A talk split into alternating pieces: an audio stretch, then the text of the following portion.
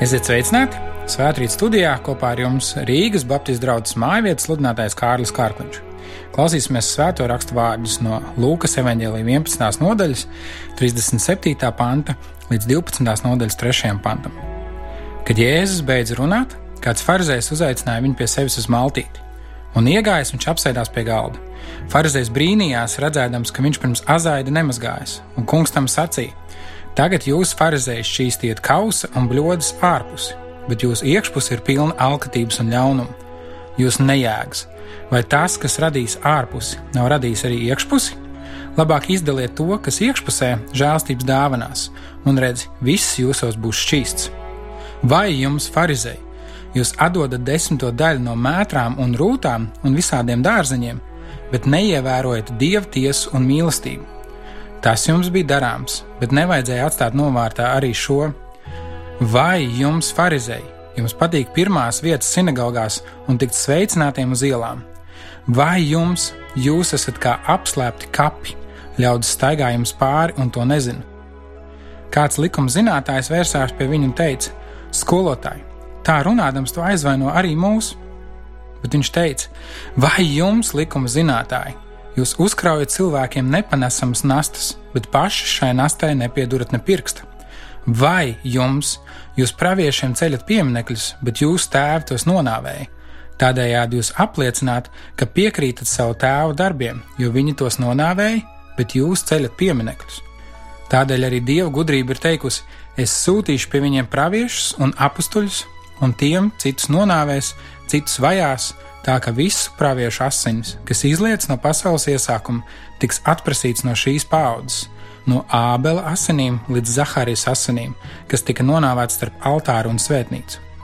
Patiesi es jums saku, tās tiks atprasīts no šīs paudzes. Vai jums, likuma zinātāji, jūs esat piesavinājušies atziņas atslēgas, paši jūs nesat iegājuši, un tos, kas grib ieiet, jūs kavējat? Kad viņš no turienes aizgāja, rakstmācītāji un farizēji sāka viņam neganti uzbrukt ar uzbāzīgiem jautājumiem, slēpus glūnādam, lai viņi varētu pieķert kādos vārdos un apsūdzēt. Kad sapulcējās tūkstošiem ļaužu, tā ka cits citu gandrīz vai sabardāja, viņš sāka sacīt saviem mācekļiem: Piesargieties no farizēju auga, tas ir no liekulības. Nekas nav tā aizsakts, ka netiktu atklāts, un nav nekā slepena, kas nekļūtu zināms. Tādēļ viss, ko būsiet sacījuši tumsā, būs dzirdams gaismā, un ko jūs būsiet čukstējuši ausīs savos kambaros, tas tiks pasludināts no nām jumtiem. Tas ir Dieva vārds. Āmen!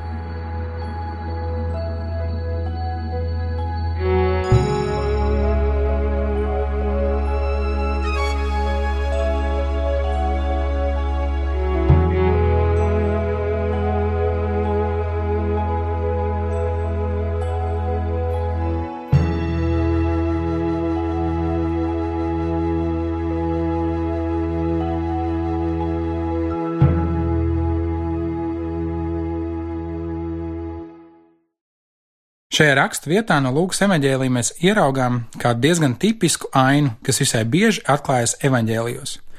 Jēzus nonāk kontaktā ar farizējiem un raksturmācītājiem, kas bija tā laika jūdu reliģiskie vadītāji. Un pretēji varbūt mūsu daudz priekšstatam par to, ka Jēzus ir maigs un mīļš un jauks, šeit mēs redzam, ka Jēzus ir ļoti tiešs un diezgan skarbs. Jēzus sauc lietas īstajos vārdos. Viņš nekautrējas konfrontēt farizējus un raksturmācītājus un nosauc viņus par liekuļiem. Jēzus vārdi aizvaino šos reliģiskos vadītājus. 45. pantā mēs lasījām, kāds likumzinātājs vērsās pie viņa un teica: Skolotāji, tā runādams, to aizvaino arī mūs. Mums bieži gribas mīkstināt patiesību. Grēku mēs saucam par klupienu, slinkumu par cīņu un nevēlēšanos par prioritātēm. Un tas gan nenozīmē, ka mums vajadzētu teikt visu, kas iekšā sakrājies, jo bieži mums tur nekas labs iekšā nav. Jēzus saka, ka no sirds pilnības mūsu mute runā. Pēc mūsu valodas agri vai vēl var noteikt, kas notiek mūsu sirdī. Mēs runājam par to, kam mēs patiesi ticam. Un Mateja evanģēlijā ir rakstīts, ka Jēzus savus klausītājus nosauc par čūsku dzimumu, jo viņi runā labu, būdami ļauni. Jēzus pazīst cilvēku sirds, viņš zina, ka nav neviena laba. Mums patīk labi izskatīties citu priekšā. Ar saviem vārdiem un darbiem mēs cenšamies radīt labu iespaidu par sevi pat tad, ja šis iespējas gluži neatbilst patiesībai. Mēs steidzamies sakārtot māju, kad nāk ciemiņi. Un to es saku no savas pieredzes un no savas dzīves, jo ar trim bērniem vienīgais laiks, kad mums patiešām varētu būt kārtīga māja, ir tad, kad bērni guļ. Mums patīk, ja cilvēki domā labi par mums. Mums patīk sapucēties, ejot uz baznīcu, mums patīk izskatīties labi. Un no vienas puses tas nav slikti. Tie ir vismaz kādi ārēji faktori, kas liek mums saņemties un sevi disciplinēt. Bet mums jāuzmanās, ka mūsu dzīve nekļūst par teātri. Mums jāuzmanās, ka mūsu pārāk pareizā un perfektā dzīve neuzceļ sienu starp cilvēkiem un Dievu.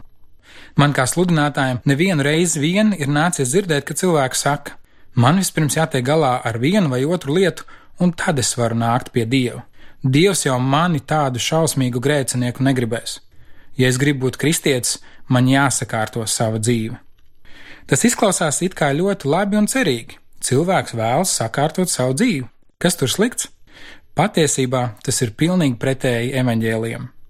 Vēstulē romiešiem 5. nodaļā, 8. pantā Pāvils raksta, bet Dievs savu mīlestību uz mums parāda ar to, ka Kristus par mums nomirs, kad mēs vēl bijām grēcinieki. Dievs nesagaida no cilvēka spēju ar visu tikt galā. Dievs sagaida paļaušanos uz viņu, Dievs sagaida, ka mēs viņu meklēsim un no sirds tieksimies viņam paklausīt, bet viņš nesagaida perfektas dzīves no mums. Dievs nav tik naivs. Viņš mūs pārāk labi pazīst un zina, ka tas nemaz nav iespējams. Tieši tāpēc Jēzum bija jānomirst pie krusta, samaksājot par visu cilvēku grēkiem, arī manējiem un arī tavējiem. Mēs dzīvojam laikmatā, kad ar Instagram, Facebook un citiem sociālajiem tīkliem tas ir tik vienkārši. Uzbildē bildi, apgraizi, uzliec filtriņu un publicē. Ļoti skaisti. Nav nekas slikts skaistām bildēm un iedvesmojošiem stāstiem. Tādi ir vajadzīgi, bet vēl vairāk par to ir vajadzīgas īstas, spēcīgas un piepildītas cilvēku dzīves. Dzīves, kas atspoguļo patiesus izaicinājumus un grūtības, kā arī Dieva spēku, tiekot ar tiem galā. Jēzus pārmet farizējiem liekulību. Izskatāties jūs jau labi, bet iekšā jums nekā nav. Arī muskuļus var iegūt dažādos veidos var disciplinēti un pacietīgi iet uz svaru zāli un treneru pavadībā cītīgi trenēties. Vai arī šādas tādas vielas iepotēt un dabūt rezultātu daudz ātrāk. Reizēm arī garīgajā ziņā cilvēki ir tādi kā sakačāti uz steroīdiem. Izskatās, ka muskuļi ir, bet spēka nav. Pāvils brīdina Timoteju par tādiem cilvēkiem. Pāvils šādus cilvēkus raksturo kā tādus, kas tērpušies dievbijības izskatā, bet tās spēku noliekdami. To viņš raksta otrā vēstulē Timotejam, 3. nodaļā, 5. pantā. Mums jāmācās būt godīgiem un īstiem pret sevi, citiem un Dievu. Dievs jau tāpat visu zina. Kādā citā kontekstā Pāvils raksta Korintas draudzē. Pirmā vēstule korintiešiem, 5. nodaļa, sākot ar 6. pantu. Jūsu lielība nav laba. Vai nezināt, ka nedaudz rauga saraudzē visu mīklu? Izmēziet veco raugu, lai jūs būtu jauna mīkla, kāda jūs jau arī esat bez rauga. Mūsu paskas jērs Kristus taču ir par mums upurēts, tā ka svētkus lai svinam nevis ar veco raugu, ļaunumu un samaitātības raugu, bet ar skaidrības un patiesības neraudzēto maizi. Es jums vēstulē rakstīju, lai jūs nesējieties ar netikļiem, un es nedomāju ar šīs pasaules netikļiem vai alkatīgajiem un laupītājiem vai alku pielūdzējiem vispār tad jau jums vajadzētu šo pasauli pamest.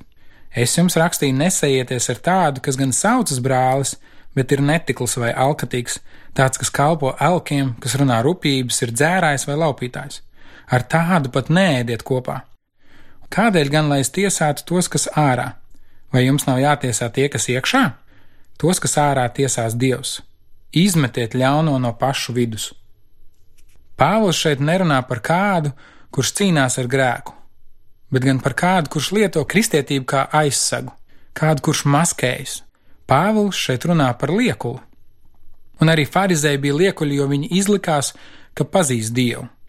Viņi ļoti daudz zināja par Dievu, bet Dievu viņi nepazina. Ja es teicu, ja jūs pazītu manu tēvu, jūs pazītu arī mani, bet jūs meklējat mani nokaut. Un Pāvils aicina pret liekulību cīnīties ar skaidrības un patiesības neraudzēto maizi. Skaidrība un patiesība ir atslēga cīņā ar liekulību. Jāņa evanģēlīja 8. nodaļā no 31. pānta mēs varam lasīt, tad Jēzus sacīja jūdiem, kas ticēja viņam: Ja jūs paliekat manos vārdos, jūs patiesi esat mani mācekļi, un jūs iepazīsiet patiesību, un patiesība darīs jūs brīvus. Tie viņam atbildēja: Mēs esam Ābrahama pēcnācēji un nekad nevienam neesam vergojuši. Kā tad tu saki, jūs kļūsiet brīvi? Jēzus viņam atbildēja: Patiesi, patiesi es jums saku, Ik viens, kas dara grēku, ir grēka vergs, bet vergs nepaliek namā vienmēr. Dēls paliek vienmēr. Ja nu dēls jūs atbrīvos, jūs patiesi būsiet brīvi. Lai piedzīvot brīvību, mums ir jāiepazīst patiesība. Arī šajā sarunā Jēzus jūdiem norāda, ka viņiem ir jāatzīst patiesība. Jūs esat grēka vargi, bet es jūs varu darīt brīvus. To ļoti spilgti ilustrē stāsts par farizēju un muitnieku, ko varam lasīt Lūkas evanģēlī 18. nodaļā, sākot no 9. panta. Un dažiem, kas sevi uzskatīja par taisniem, bet pārējos nicināja, viņš, tas ir Jēzus, stāstīja šādu līdzību. Divi cilvēki ienāca templī dievu lūgt. Viens bija farizējs un otrs muitnieks. Farizējs nostājies sauru plūdzu tā: Dievs, es tev pateicos, ka es neesmu kā pārējie cilvēki, laupītāji, ļaundari, laulības apgānītāji vai arī kā šis te muitnieks. Es gavēju divreiz nedēļā un dodu desmito tiesu no visa, ko iegūstu. Bet muitnieks attālāk stāvēdams neuzdrošinājās pat acis pacelt uz debesīm, bet sitot sev pie krūtīm sacīja: Dievs, esi man grēciniekam žēlīgs! Es jums saku, šis nogāja savās mājās attaisnots, bet tas otrs ne, jo katrs, kas pats sevi paaugstina, tiks pazemināts, bet kas sevi pazemina, tiks paaugstināts. Lai gan farizējs iesāk savu lūgšanu ar vārdiem: Dievs, es tev pateicos, no pārējās lūgšanas mēs redzam, ka farizējs raudzījās tikai uz sevi. Skat, kāds es labs, skat, kāds es pareizs, skat, kā es skaisti dzīvoju.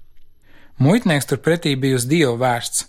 Savā lūgšanā viņš saka: Tavā priekšā es esmu grēcinieks, esi man žēlīgs. Mums jāatzīst, kas mēs esam - grēcinieki.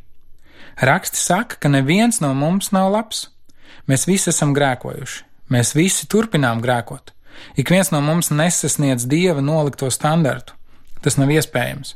Tāpēc ir diezgan muļķīgi izlikties, ka mēs to spējam. Tas ir ne tikai muļķīgi, bet arī kaitīgi mūsu garīgajai veselībai. Slimniekam nevar palīdzēt, kamēr viņš neatzīst, ka viņš ir slims. Jēzus saka, veseliem ārstu nevajag, bet slimiem. Dziesminiekam Očam, jeb Atim Rīniekam, ir tāda dziesma, kurā teikts: Nav jēgas izlikties, esmu kā uz dēlnes tev, kungs. Tā ir ļoti skaista dziesma un arī ļoti patiesa dziesma. Mums ir jāatzīst, ka mēs esam grēcinieki. Bet mums jāpieņem arī to, ko Dievs ir devis, un tā ir apžēlošana. Mums nav jāsamierinās ar to, ka esam grēcinieki. Tā ir tikai monētas viena puse. Otrā pusē ir Dieva žēlastība. Mēs esam grēcinieki, bet mēs esam apžēloti grēcinieki. Un ja vien uzticamies Jēzum Kristum kā savas dzīves stūrakmenim, tad piedzīvojam brīnumainu gaismu, dievības spēku un patiesības brīvību. Es gribu noslēgt šo savu uzrunu ar vārdiem no 1. Pētera vēstules 2. nodaļas, no 1. līdz 10. pantam. Tādēļ atmetiet visu ļaunprātību un jebkādu viltību, izlikšanos, skaudību un visādi mēlnesību, kā nu pat piedzimuši bērni augstiet pēc tīra, garīga piena, lai to baudot, jūs kļūtu pieauguši pestīšanai. Ja vien jūs esat baudījuši, cik kungs ir labs, jūs nākat pie viņa, pie dzīvā akmens, kas cilvēka atmests, bet dieva izredzēts un dārgs. Arī jūs paši kā dzīvi akmeņi tiekat uzcelti par garīgu namu, lai jūs būtu par svētu priestrību dievam un pienestu garīgus, dievam tīkams upurus caur Jēzu Kristu. Tādēļ raksts saka, redzi, es lieku ciānā stūrakmeni, izredzētu un dārgu, un ik viens, kas uz to tic, netiks apkaunots nekad. Jums, ticīgiem, tas ir gods, bet neticīgajiem akmens, ko nama cēlā ir atmetuši. Šis akmens ir kļuvis par stūrakmeni un arī par klupšanas akmeni un piedaudzības klinti. Tie, kas netic vārdam, klūp pār šo akmeni, tas viņam arī lemts, bet jūs esat izredzēta cilts, ķēnišķi priesteru saimas svēta tauta, tā īpašums, kas jūs no tumsas ir aicinājis savā brīnumainajā gaismā, lai jūs sludinātu viņa izcilos darbus. Jūs, kas reiz nebijāt dievu tauta, bet tagad esat dievu tauta. Jūs, kas nebijāt apžēloti, tagad esat kļuvuši apžēloti.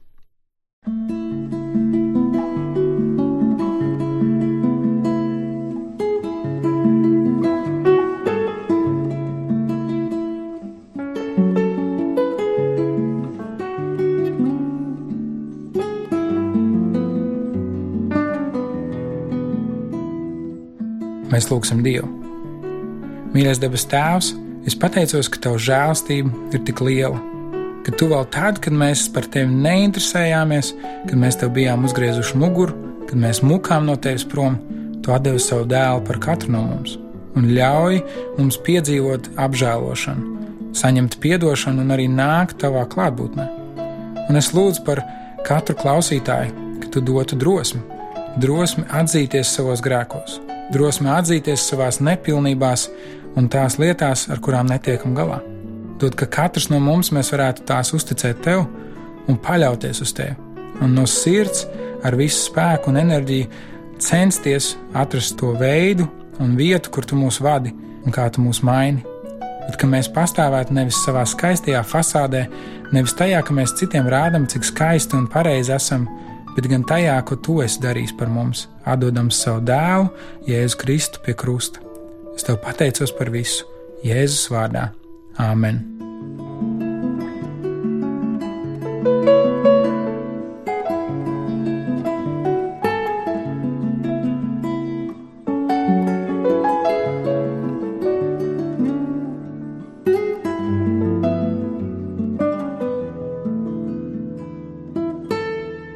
Svētrītā kopā ar jums bija Rīgas Baptistu draugs mājvieta sludinātājs Kārlis Kārkliņš.